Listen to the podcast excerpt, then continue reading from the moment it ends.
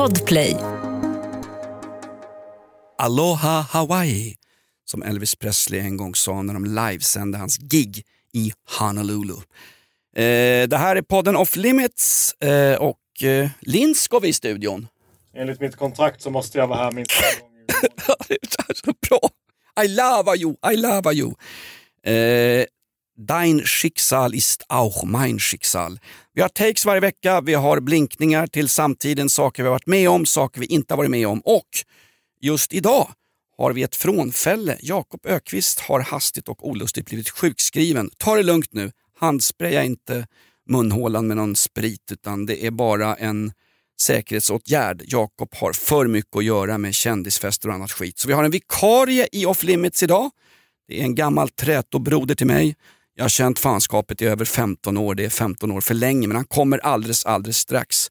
Och idag ska vi ta upp Ebba Buschgate, vi ska ta upp Vad får man säga? Vi ska ta upp Kärna ängar och vi ska ta upp den nya folksporten padel. Förut fick man dadel och eh, damsadel, nu får man padel. Det är vad som händer i Off Limits den här veckan. Varmt välkommen ska du vara. Jag heter Jonas Nilsson. Normalt sett hör du mig i Rockklassikers morgonshow. Över till Glenn Hussein fotbollsgiganten som ska köpa korv och tycker till om Sverige 2020. Kom igen! Glenn, vad händer? Hello? Hallå? Ja, där var du. Jag såg det. Ja, jag sitter här. Jag tar en, en vanlig korv med bröd, tack. Grillad. Ja. Det är ju tjafs om allting nu för tiden. Man får ju för fan inte fisa utan någon jävel ska lägga sig i det. Nej. Det är ju så jävla sjukt. Man får inte göra någonting. Allt ska vara fan så perfekt att man ska ta... Så inte den och den tar illa upp. Alltså det är ju... Alltså jag fattar ingenting. Nej, Glenn Hysén fattar ingenting och inte vi heller. Men det här är åtminstone en ofiltrerad podd vi kallar Off Limits. Tack för ditt stöd. Nu kör vi!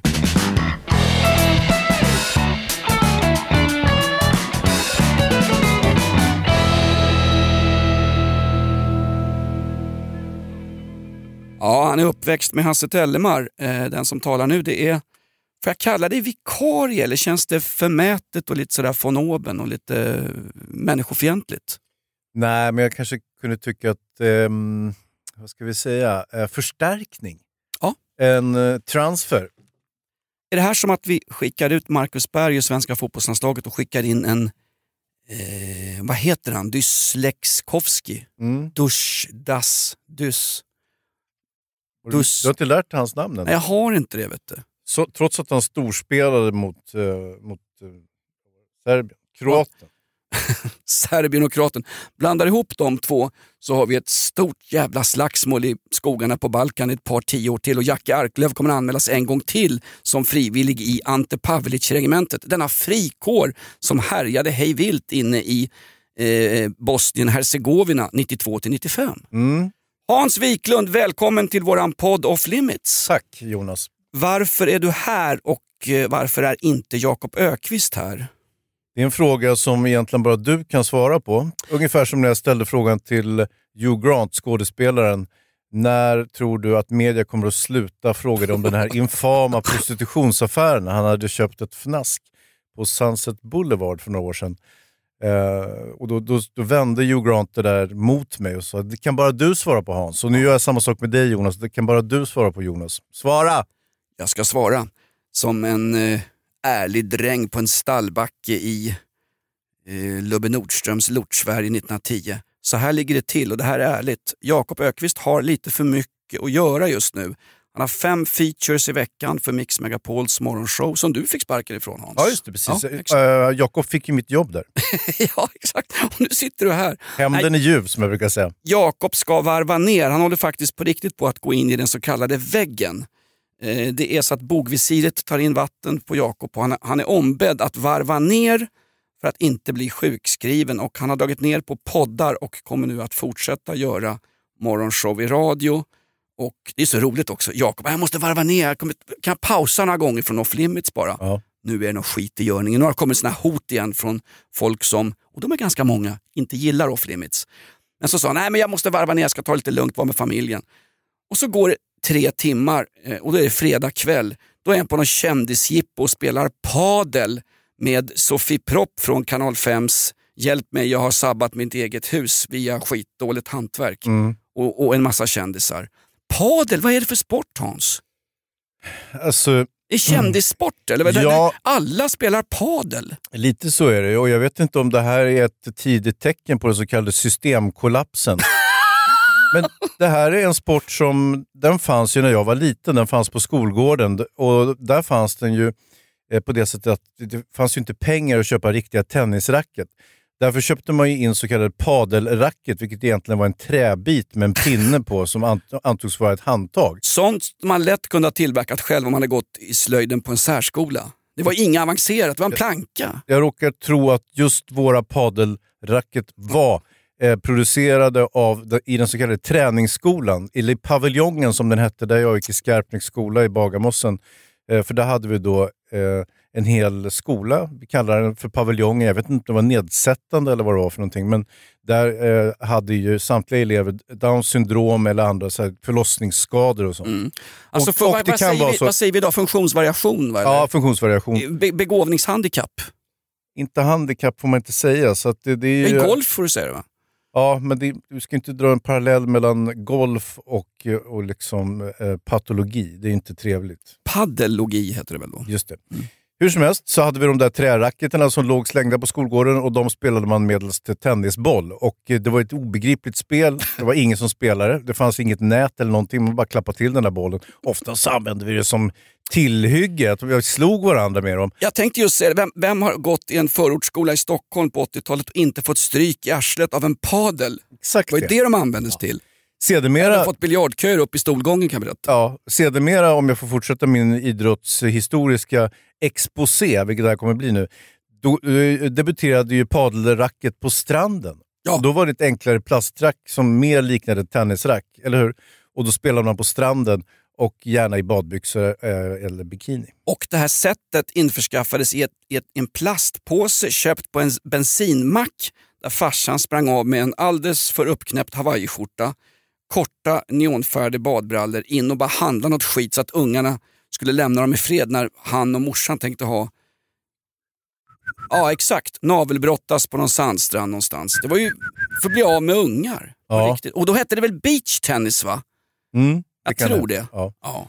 Så där har vi då de första två leden i padeltennishistorien och så småningom så kom man plötsligt på att eh, eh, finansmannen, storfräsaren, legenden Stenbeck ja. eh, hade en padeltennisbana på sitt tak, på sin skyskrapa i, eh, i New York. Och då blev det stigmatiserat till en, en rik överklasssport. Precis. Och där, där var det väl utrymmesskäl helt enkelt. Det fanns inte plats för någon tennisbana uppe på skyskrapan. Det Eh, fanns ju inte plats för någonting med hans matvanor. Han var ju, han var ju tjock som en gråsäl när han tog så, försvann faktiskt. Ja, han, jag tror att han var uppe över 140-150 och, och vände. De la ner butiken på Long Island som sålde eh, löjrom och delikatesser när han dog därför att då, han var den största kunden. Förlåt mig, fortsätt. Padelhistoriens mästare. Ja, precis. Det, dessutom var det kaviar han åt. Jaha. Men eh, vi ska inte lura in oss i detaljer vad gäller Stenbecks kostvanor, även om det inte är ointressant i det här sammanhanget. Han behövde motion, Ja, han hade ett tak på en skyskrapa, där kunde man inte spela tennis för att planen blev för liten. Man kunde heller inte spela badminton för att badmintonbollen fladdrar ju av taket hela tiden. Och vet du vad som händer när en badmintonboll faller 300 våningar rakt ner i gatan? då träffar den förhoppningsvis en Isis-terrorist som är på väg med något sånt här, eh, med, med någon bomb på någon go- tvärgata. Då. Är det Manhattan vi pratar om? Var det där han bodde? Va? Ja, ja. Ja. Förhoppningsvis träffar en, en, en, en terrorist som ska utföra någon slags dåd mot någon amerikansk institution på Manhattan. Men, Men det, det dödar väl va? nej, det Jo. händer ingenting. Jo, jo, jo. Nej, det händer ingenting. Man, man kan till Ska vi prova? Man, ja, men det här har folk provat. Folk har kastat ner ett mynt, en penny, från en eh, skyskrapa och någon får den i huvudet. Det händer inget särskilt. Den stoppas upp utav... utav eh, jag, jag kan inte eh, velocitet och sånt där, Men men, det händer du- inget särskilt Jonas. Jag garanterar det. Hur som helst, Pennis from heaven hette ju den musikalen. ja, ingen dog. Det var en trevlig historia. Ja, men vem testar de det på ens? Jo, men det var väl någon med hjälm först och sen fick jag cykelhjälm och så en vanlig hjälm. Och sen hade man testat klart velociteten för en penny att falla rakt ner i huvudet från en skyskrapa. Det här är ju lite, eh, eh, lite sidostories Jonas. För vad det egentligen handlar om, det är ju padelns intåg. Och nu har den slagit till på, på stort i Sverige. Ja! Zlatan eh, kommer Ja. att säga att nu ska jag ha en padelbana, eller någon har sagt till honom, det vore bra om du hade en padelbana och så kom du dit och skrev några autografer.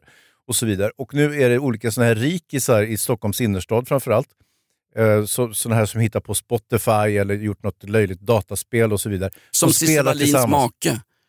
Han är ju en sån va? Ja. Minecraft World eller vad det heter. Den ty- är Cissi Wallin gift med han den där, vad heter han? Hopp, Notch? Vet du varför du värvades till den här podden? Nej. Därför att du inte vet, vet vad Cissi Wallins sugar daddy slash man heter. Nej. Det är, ett, det är ett värde i sig. Men Notch heter ju han som ser lite lustig ut. Han som hittar på Minecraft. Paul Notch. Nej, inte Paul Notch. Han kallas för Notch. Top han heter Notch. Sven Banan. Alltså, Sven. Bajan, det är jag när jag är transar på helgerna. Så där är padel nu och det sista vi hörde när jag läste, slog upp tidningen är chocknyheten att eh, anrika Globen, detta idrottstempel, nu ska härbärgera padel eftersom man inte kan ha publikevent där. Så man ska bygga 14 stycken padelbanor inne i Globen. Vad fan Jonas! Mm. Jag som följer AIK Hockey har inte varit i Globen på många, många år, men du är ändå Djurgården och får se vissa matcher i Globen. Ja. Alltså, i, I det gamla romarriket, när kejsar Augustus slog ihjäl slavar som underhållning, då hade man dadlar åt folket. Nu har vi padlar åt folket. Vad är nästa steg? Nej, det där var någon slutstation. Var det det? Ja. Och jag vill bara berätta att Jakob Ökvist var då med i en kändispadeltävling. Exakt samma dag men som han gud, du förstår väl att han inte kan jobba här? Nej, men samma dag som han säger till mig jag måste dra ner på olika verksamheter så att våran podd, den får jag tyvärr steka några veckor Jonas, jag måste vila upp mig. Spelar han padel med snittar med, med Ken, jag säljer glass numera, Mattsson, en jäkligt trevlig kille som var programdirektör på Gröna Lund. Nu är det mycket namedropping här från, från Stockholms mediala elit, men där, där, simmar ju du runt Hans lite grann i alla Ja, fall. jag gör det. Ja. Hör du Hans Wiklund, gammal trätobroder till mig Mm. och kanske mest känd för den breda populasen, den breda allmogen, det vill säga målgruppen för den här tjosan-podden, ifrån eh, filmvärlden. Ja, kan man säga. Jag slog igenom stort. stort jag, slog, jag har aldrig slagit igenom Jonas. Du slog igenom golvet. Jag har aldrig slagit igenom. Däremot så jobbade jag med eh, Nils Petter Sundgren. Jag slog igenom stort, får jag citera? Ja, jag gör det. Lysande. Jag jobbade med Nils Petter Sundgren år ut och år in. Vi gjorde Filmkrönikan tillsammans. Sen flyttade jag till TV4 1990 och så gjorde jag egna filmprogram där och sen så började jag göra program tillsammans med Nils Petter igen runt 2000. Och sen fortsatte jag att göra några filmprogram och sen har jag varit tv-producent och de senaste åren så har jag jobbat med crime. Jag har varit producent åt Leif GW Persson Ja. eh, på både brotts, eh, Veckans brott, jag gjorde ju 16 säsonger och sedermera Brottsjournalen när han ville flytta till TV4 för han trodde han skulle tjäna mer pengar.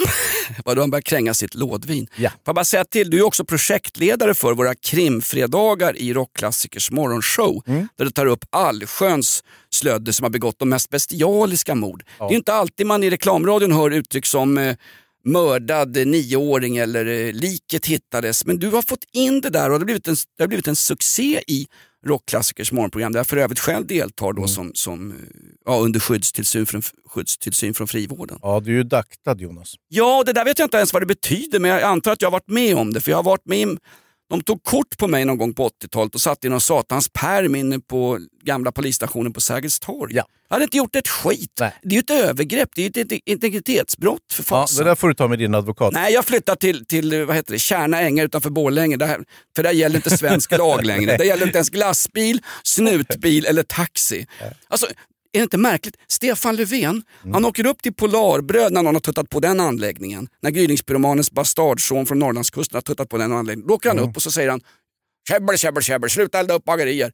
Men Kärna ängar, där studenter ansöker om att få flytta för att det är så kaosigt och kriminellt. Där, dit kommer ingen minister, dit kommer ingen politiker, dit kommer ingen från innerstadspadel Stockholm. Det är väl märkligt Hans? Där finns det väl jobbare också som har ett samhällskontrakt som säger jag betalar skatt, då ger ni mig trygghet i form av eh, våldsmonopolet polis.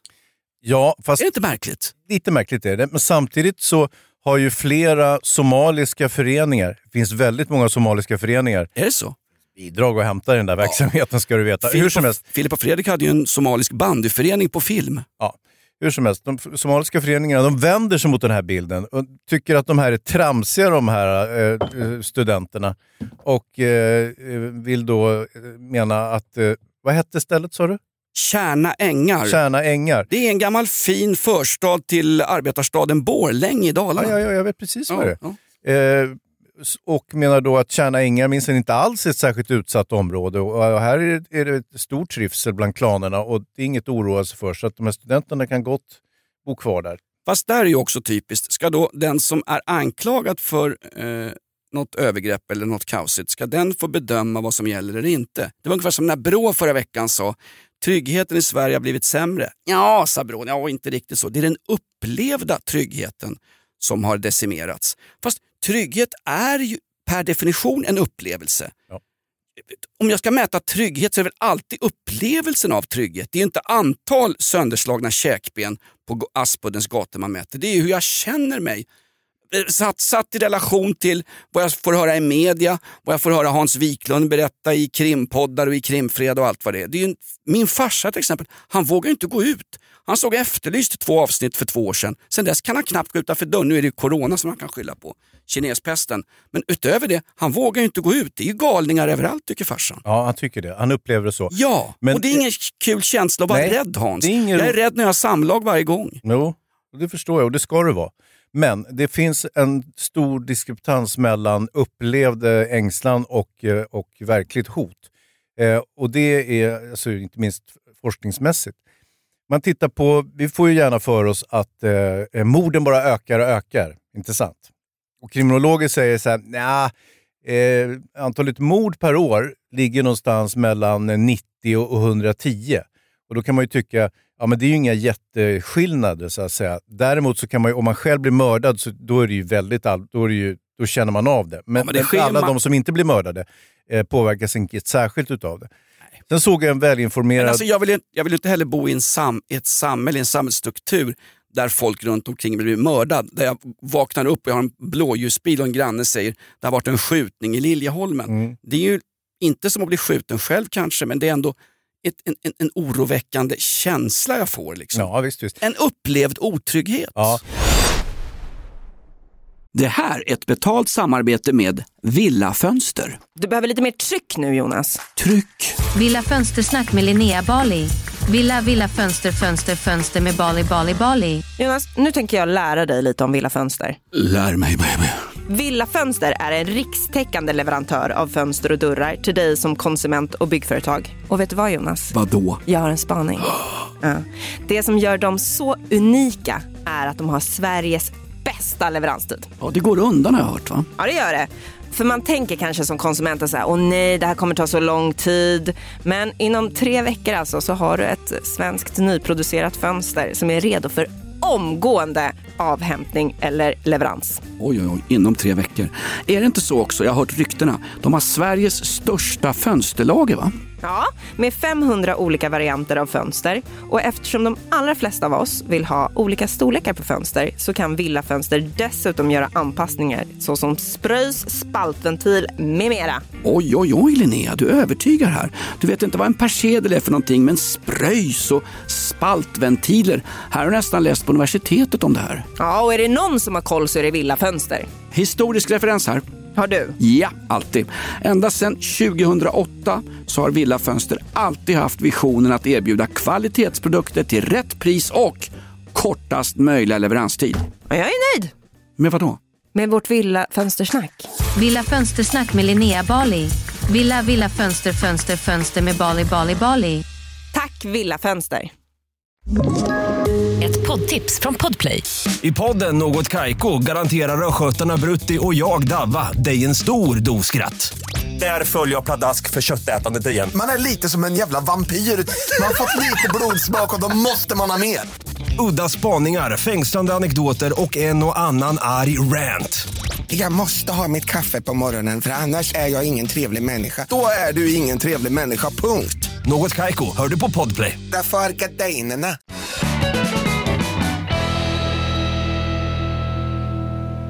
Jag är ju tvärtom. Jag, jag har hittat ett anslag på min port, jag bor ju mitt på Odenplan mitt i Stockholm, där polisen hade satt upp en lapp och sökte vittnen till ett mord som hade inträffat för en månad sedan.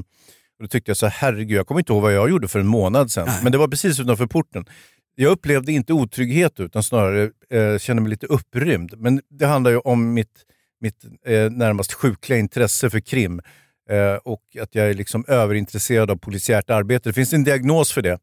Eh, som gör. Men det, men det har ju kommit lite med jobbet och så vidare. Så att, eh, jag, jag, jag, eh, jag tar tillbaka den där upprymdheten inför det här mordet. Men du är ju också en person som är en, du är en vit germansk man och skulle kunna marschera i vilket SS-kompani som helst. Och det säger Nej, det säger du till alla killar. det är klassisk raggningsreplik. Har vi en SS-veteran i, i salongen som kan möjligen trycka på mig i prutten så att det luktar Stalingrad i flera veckor? Nej men du är ju inte, du kan ju ta för dig på stan. Ja. Jag, jag, jag, du var ju förbannad på mig i veckan. Jag har ju hundar hemma. Jag passar ju Mikaelas hundar. Jag byter ju hundvakt på dagarna mot samlag slash sexuella upplevelser kvällstid.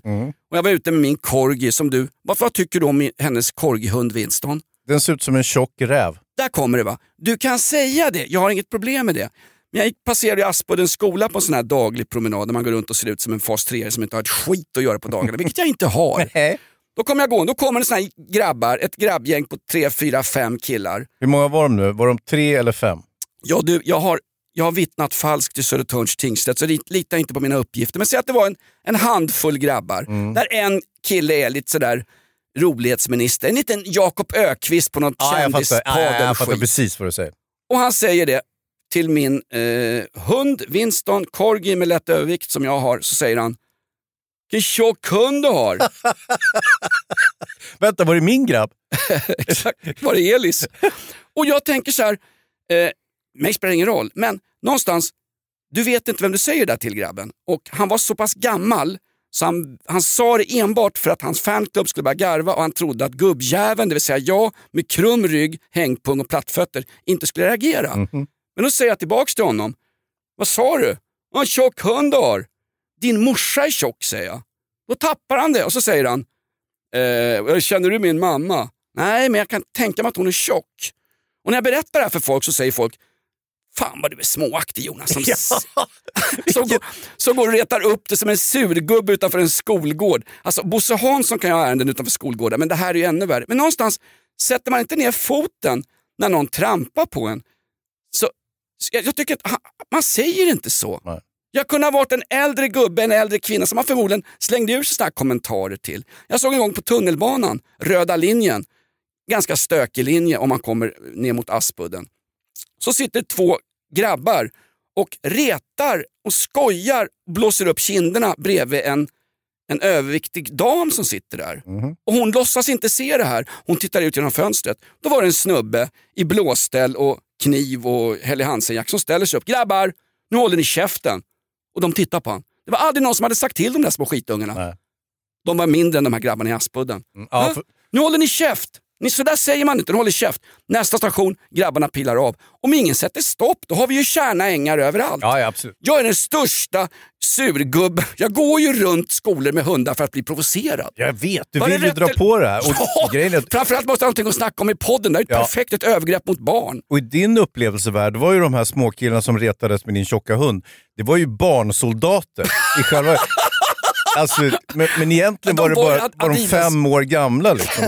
Jag hade fotbollsskorna Ja, var fast- på väg hem från träningen. Fast Men, vänta nu, åldersbestämningen i det här landet är ju en gåta i sig. absolut, den, har- den har kommit att bli lite, ska vi säga, relativ. Ja. Eh, Men, men vi ska inte fördjupa oss i det så att säga. Men däremot så kan jag tycka det här med, vi pratade lite grann om, om våld och brott och sånt där. Och just det du säger där, att, att man får en reaktion på det som händer. I det normala eh, svenska samhället så får man ingen reaktion. Man kan säga och göra lite vad man vill med folk och det händer ingenting särskilt. Och det är dit jag vill komma när jag säger att antalet mord till exempel i världen, åtminstone i västvärlden där vi har lite bättre underlag eh, forskningsmässigt, har ju gått ner något alldeles fantastiskt. Om du räknar från 1100-talet eh, så är det en, en, en sluttande kurva ner till 1900-talet. Och tänk då på 1900-talet så hade vi ju liksom, vi hade pogromer, vi hade två världskrig, vi hade vi hade eh, manchuriska kriget, vi hade enorma, vi hade förintelse både i Sovjetunionen och i Tyskland. Morsan och farsan skilde sig. Ja, ja, där också. Ja. Men i, mitt i allt det här så har en kurva som flakt bara söker sig rakt ner ingenstans där vi befinner Mm. oss nu, där vi nästan inte mördar någon. Blott ett hundratal om året i Sverige, eh, från på den tiden när vi mördade kanske 10 000 om året i Sverige. Ja. Eh, så att, med Hallå, det sagt, Lindskov, demonproducent. Kan vi få in tårta och champagne? Vi ska fira det här.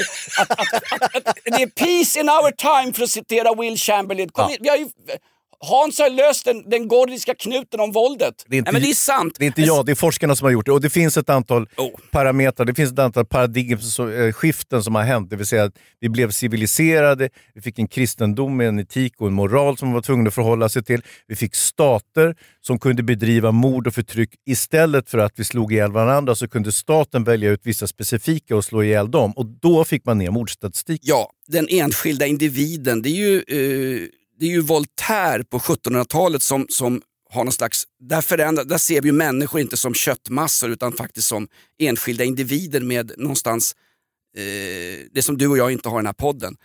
Eh, demokratiska rättigheter. Ja, fy fan.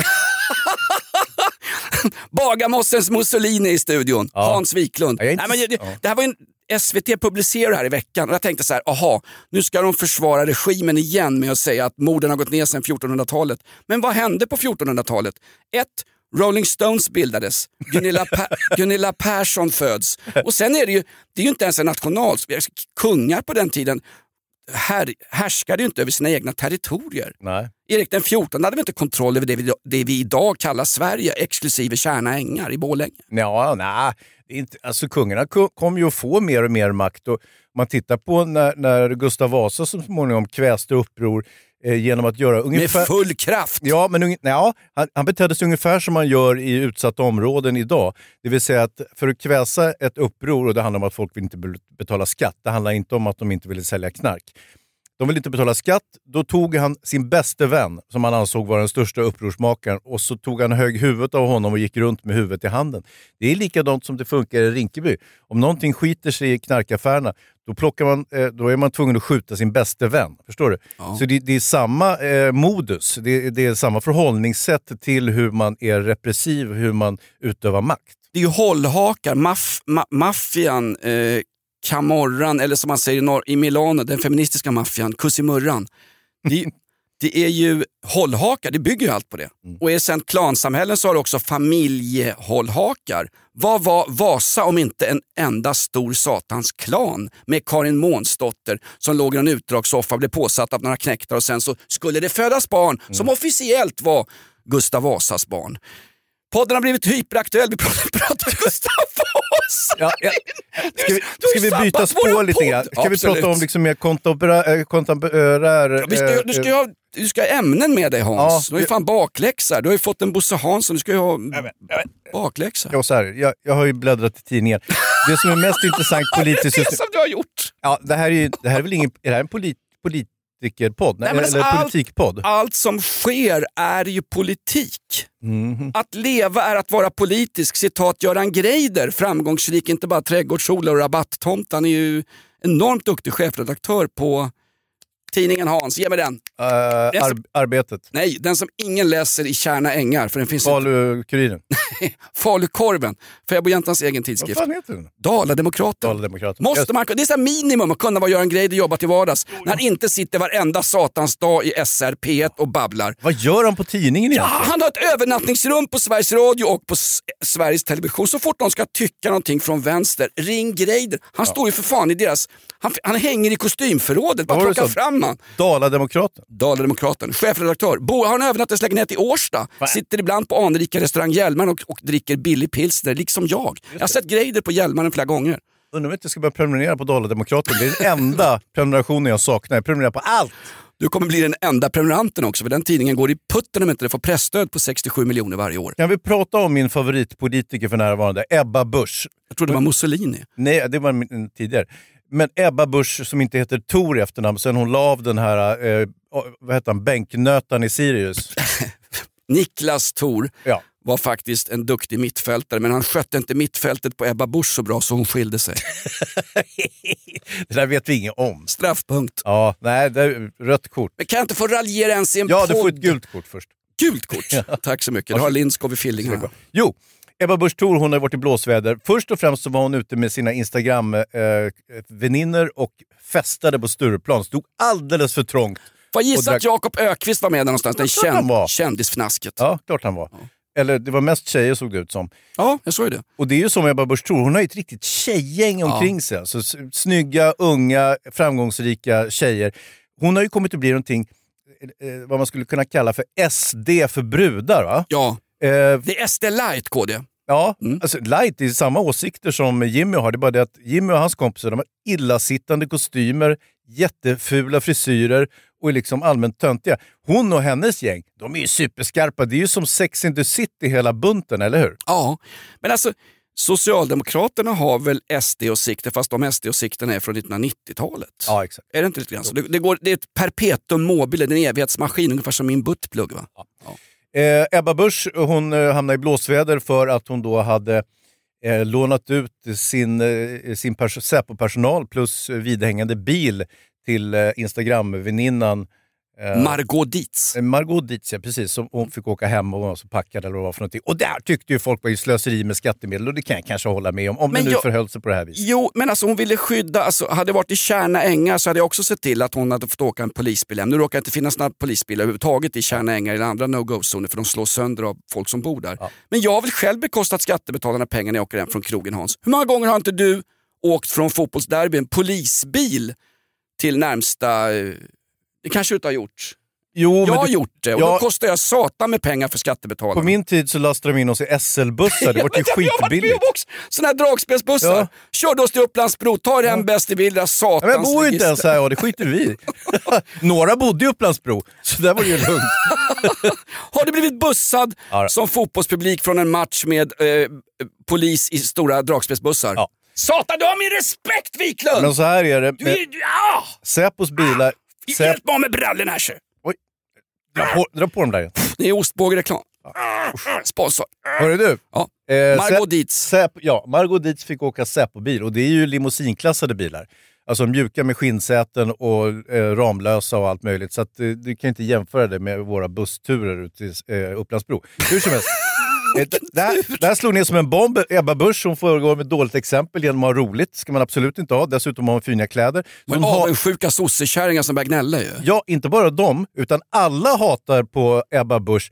Eh, fula tjejer, snygga tjejer som tycker att hon är för dålig feminist. Alla män som är misogyna för att de inte gillar kvinnor överhuvudtaget. Ingen gillar framgångsrika, unga, snygga kvinnor. Det är det värsta alla vet. Men borde inte hon här i den här skitstormen hon har hamnat i, här skulle hon dra kvinnokortet som Mona Sahlin hade gjort. Ja, nu angrips jag för att jag är kvinna. Det är svårare i såna här lägen att vara kvinna. Det har ju alla kvinnor gjort i alla tider, med all rätt. Ja. För jag är säker på att i den här soppan som sen blev något slags rutten sommarstuga uppe i Roslagen och lurade av någon Vi gammal kommer till den. någon corona-målgruppspensionär. Alltså, är det nästa steg? Ja, alltså...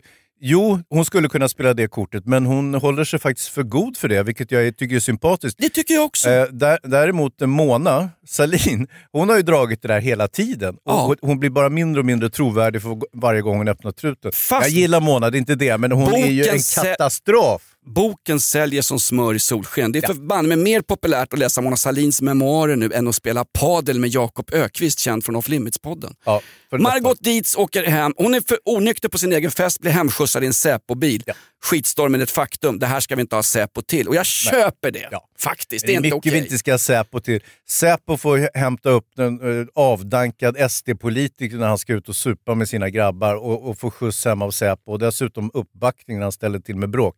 Kent Ekeroth. Men, men det, vi, vi lämnar det. Okej. Säpo får göra mycket som de inte borde göra. Men borde de inte... Oh, Okej, ja. Ja, strunt samma. Men Ebba Busch hon är inte nöjd med den här infama discoupplevelsen som skakade Sverige. Utan nu har hon gått och köpt ett torp i skogen eh, upp mot Uppsala-trakten där någonstans. Och, eh, mm, hon Eller har hon det? Har Ja, hon verkligen precis. köpt Hon har, det inte, hon har inte tillträde till det men har ändå börjat risa. Jodå. Hon hade tillträde i mitten på september, så tillträdet är klart. Det är inga konstigheter Är där. avträdet klart? Det finns inget avträde. Själva huset är ett avträde.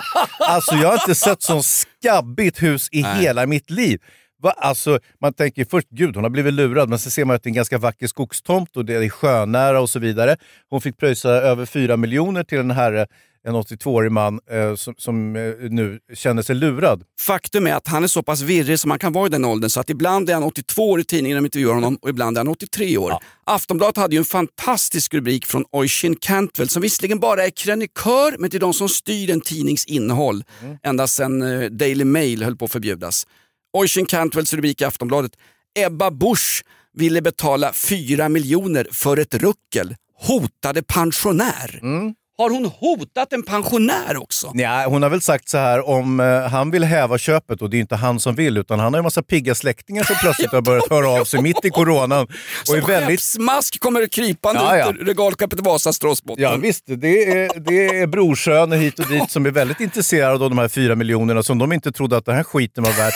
Och påstår också att de har firat sina somrar där. Vad fan gjorde de på somrarna? Inte städar de trädgården i alla fall. De spelade beachtennis med någon skitprodukt de har köpt på bensinmacken i närheten. Ja. Fyra miljoner är soptippen slash rucklet värderat till och det har blivit en storm mot Ebba Busch Thor och hennes, och hennes... Det är mäklaren som är insyltad va? Ja, problemet är att mäklaren är ju ingen mäklare utan det är ju Margot Ditts bror som har varit med och förmedlat det här köpet. Ständigt denna dits! Ständigt denna dits, Sherlock! Ja, så, att, så det blir lite geggigt och jag tycker kanske att eh, Ebba Busch eh, i den positionen är kanske skulle ha skött hela den här grejen lite snyggare. Jag säger inte att hon har lurat någon stackars fattig pensionär på fyra miljoner, för det har hon eh, absolut inte. Hon har köpt eh, en soptipp som hon då för, har för avsikt att eh, kanske snygga till då, så att grannarna som bor runt omkring det slipper kräkas när de går förbi den här avskrädeshögen till eh, eh lyxhus. Okej, nu kissar du på folk som har äldre ödegårdar som de kanske inte har råd att underhålla uppe i Roslagens skärgård. Men jag säger så här, okej,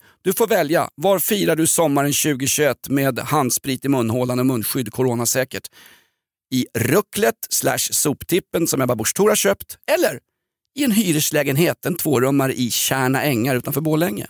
Du måste välja. Ja, den är svår, men, men jag skulle nog välja faktiskt... Dels tycker jag Ebba Busch Thor är en eh, förtjusande person, hon är jättefestlig. Du ska dit och ragga eller? Inte ragga, men hon är, jag tror hon är trevlig att umgås med, så jag skulle gärna åka dit och hjälpa till och plocka lite på tomten. där kanske. Du kan ju Jag ta, anmäler mig härmed. ta Säpo-bilen upp det är perfekt. Jag tar med mina barn så kan de göra grovgörat så kan jag sitta på... Sen, så kan jag sitta på altanen tänkte jag säga. Men Det gör ju du jämt. Nej men Ocean Campbell har ju tagit kort på altanen. Ja. Det finns ju för fan inget. Ligger bara... Att han överhuvudtaget har bemödat sig eh, att ta sig upp dit och ta ett fotografi gör ju att någonstans, jag ser det här, jag, ser, jag, jag struntar i var hon bor, vad hon gör, men någonstans det här är lite grann att de har gått in i privatlivets helgd. Ebba Busch Thor ska köpa en fastighet, det är helt privat. Här är Aftonbladet tar kort på vad det är och hon ska då ha hotat den här pensionären. Det är ju ett satans drev som går mot henne. Rent medialt så är hon ju utsatt för ett enormt tryck. Snacka om eh, att det saknar motstycke. Men hon, hon, hon representerar ju någon slags en, en, det, det Aftonbladet skulle bedöma som mörka krafter i politiken. bla bla bla. Rätt vad det är står det att hon är brunsmetad, för det står det alltid i media. Ja. Den bruna färgen använder man till politiska motståndare, allt som oftast. Och det kan jag värja mig mot. Här sitter jag med mikropenis och skyddstillsyn daktad av snuten. Ja. Och allt Ebba Busch behöver göra nu, och här får hon ett gott råd från podden här, det är att säga hade jag varit man och sett ut som Stefan Löfven, då hade det aldrig hänt. Då hade ni hållit käften. Då hade vi inte haft någon käbbel, käbbel, käbbel. Det är sant. Hans! Mm. Eh, jag hann inte ta upp någonting. Jag hade ju Glenn Hussein, jag hade Patrik Sjöbergs fortkörning, Just eh, en retake. Eh, jag hade grejer om... Ja, du har ju blivit hundägare. Ja, Jag hade handfasta tips hur du ska umgås med din nya hund. Berätta, du har en hund på prov eller vad är det? Vi har fått låna av en, en familj eh, som har en eh, amstaff. Vad heter den på riktigt? American Staffordshire. Ja, en, en hund som man lite... Staff! Precis, som man lite slarvigt kallar för kamphund va? Ja, Ibland. den är förbjuden i Norge och Danmark. Eh, ungefär som militanta islamister och medlemskap i dess föreningar. Det är en inte alltför stor mörk svart hund som har muskler precis överallt och dessutom ett stort platt huvud. och en gigantisk käft. Fast om någon sa sådär om min hund så skulle jag bli kränkt och så skulle jag svara tillbaks även om det var några skitungar vid en skola i en förort. Var- Varför sa att han hade platt huvud? Den har platt han ser huvud. ju ut så. Ja, men jag måste ju kunna beskriva hunden. Precis som jag beskriver din korgi Jonas och säger att den ser ut som en liten tjock räv med korta ben. Jo men det, det, Det är ju en adekvat beskrivning. ja, men fast man kan inte, vi kan inte, vi kan inte ta bort våra, våra sociala kontrollredskap. Då kan jag säga att folk på, på tv har hängpattar, är tjockisar och den där, eh, den där personen, vilka satans långa ben han har. Det blir ju, Vem? då, då är vi tillbaks till 14 Vem är han med långa benen? Lasse Berghagen. Tror man- Bosse, Bosse Hansson trodde du skulle säga. Han, TV- TV-sportlegenden. långa ben.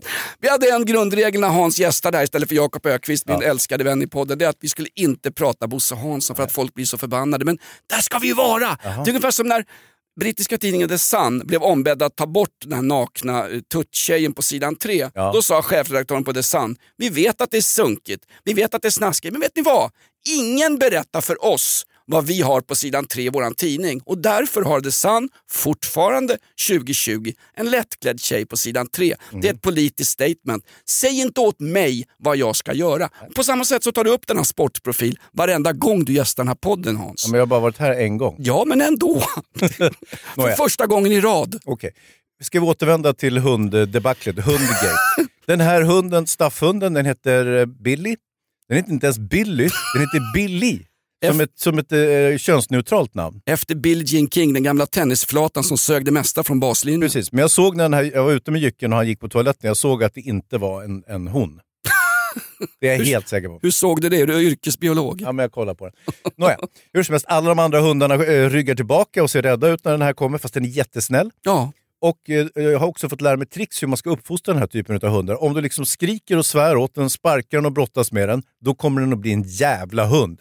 Men om du istället pratar mjukt med den, är gullig med den, eh, kramar den och pussar den, då blir det en, en snäll, jättefin hund som de här hundarna ska vara. De ska inte vara aggressiva. Absolut inte. Eh, en annan, Men en kamphund kräver ju mera uppmärksamhet, mycket mera eh, stringens vid uppfostrandet. För den har ju gener som är, eh, ja, det är som att gå in på en gladiatorskola. Du kan inte bara krama dem för det finns en inneboende kraft i dem också. Men däremot inte sagt att kamphundar ska förbjudas. Det är alltid Husses och Mattes fel om en hund mår dåligt. mm, så är det om den blir tjock Ja. och blir retad på en skola. Ja. Och samma sak med barnen. Om de blir tjocka och retade på skolan så är det föräldrarnas fel. Det är ju faktiskt det.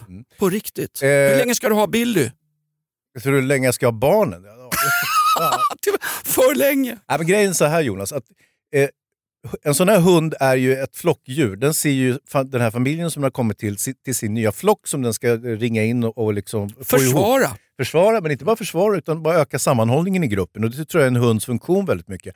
Jag märkte ju, först jag gifte mig, gifte mig med en supermodell, hade lite tur. Du är fortfarande gift med henne. Ja, precis. Och då var jag nummer ett. Men sen efter ett tag så fick vi ett barn. Smack, det tog snabbt. Eh, då hamnade jag nummer två. Nummer tre ham- hamnade jag. Ett bort in. Jag var nere på fyra för, på rankingen. Du tappar ranking värre än Henrik Lundqvist i Rangers. Exakt så. Och nu kom hunden in. Jag är nere på ranking fem. Ja. Vad ska det betyda? Jag är säker på att, jag, vet inte, jag, jag känner inte supermodellen Emma Wiklund, men jag är säker på att hon har ett par, två, tre arbetskamrater eller något kvinnligt nätverk som ligger före dig i ranking också. så att du är längst ner, på med drängbyxorna, torka dig inte i arslet utan lägg dig och sov i statarstugan med oss andra. Vi kallas svenska män och vi är en förtryckt klan.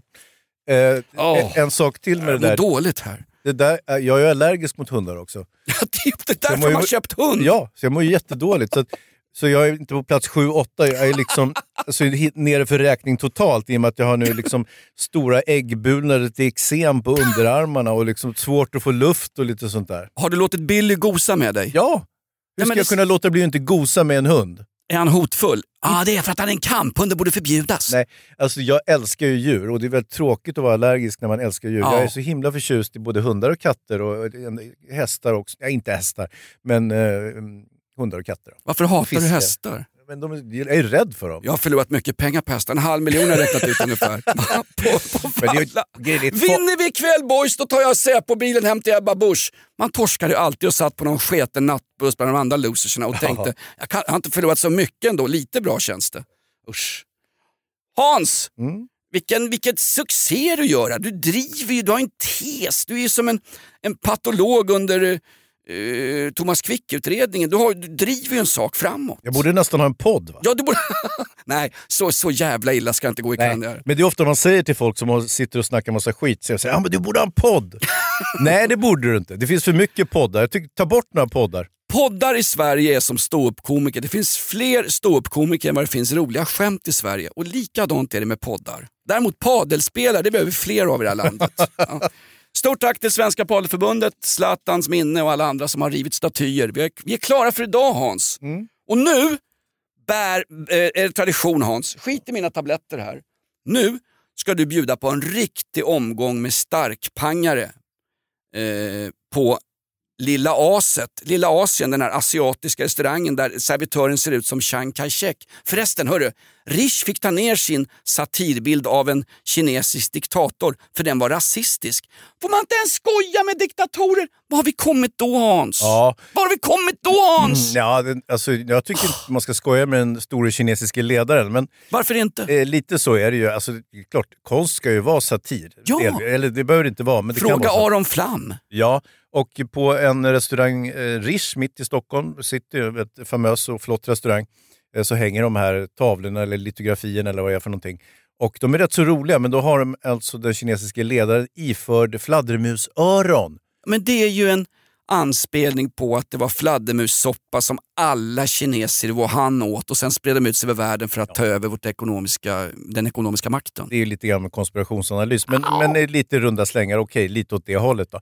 Och det tycker jag var ganska välfunnet Ja. ja. konstinstallation. Vad roligt. Så kom, kommer det dit två eh, laxar, två kineser, eh, Instagram-kineser som, som vänder sig mot det här och då eh, kommer på att det där är rasistiskt.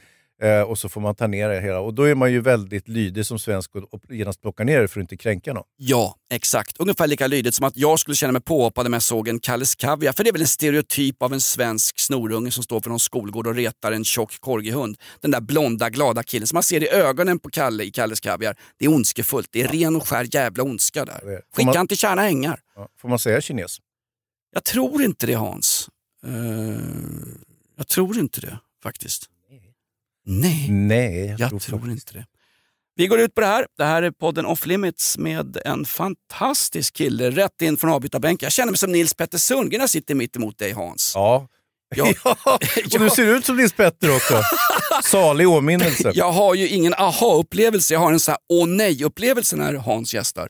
Eh, Jakob hälsar från sjuksängen, han gör bara radio numera, poddarna är nedlagda. Tills dess är Hans Wiklund vikarie i Off Limits. Kommentera oss gärna på Flashback. Vi har en grym tråd på flashen. Nu tror jag skämtar, det är grymt bra. Och eh, även kommentera oss och ge oss femmor på iTunes. Sprid ordet! Off Limits är slut för den här veckan. Eh, stay safe och eh, spela padel. Ett poddtips från Podplay. I fallen jag aldrig glömmer djupdyker Hasse Aro i arbetet bakom några av Sveriges mest uppseendeväckande brottsutredningar. Går vi in med hemlig telefonavlyssning och, och då upplever vi att vi får en total förändring av hans beteende. Vad är det som händer nu? Vem är det som läcker? Och så säger han att jag är kriminell, jag har varit kriminell i hela mitt liv men att mörda ett barn, där går min gräns. Nya säsongen av Fallen jag aldrig glömmer på Podplay.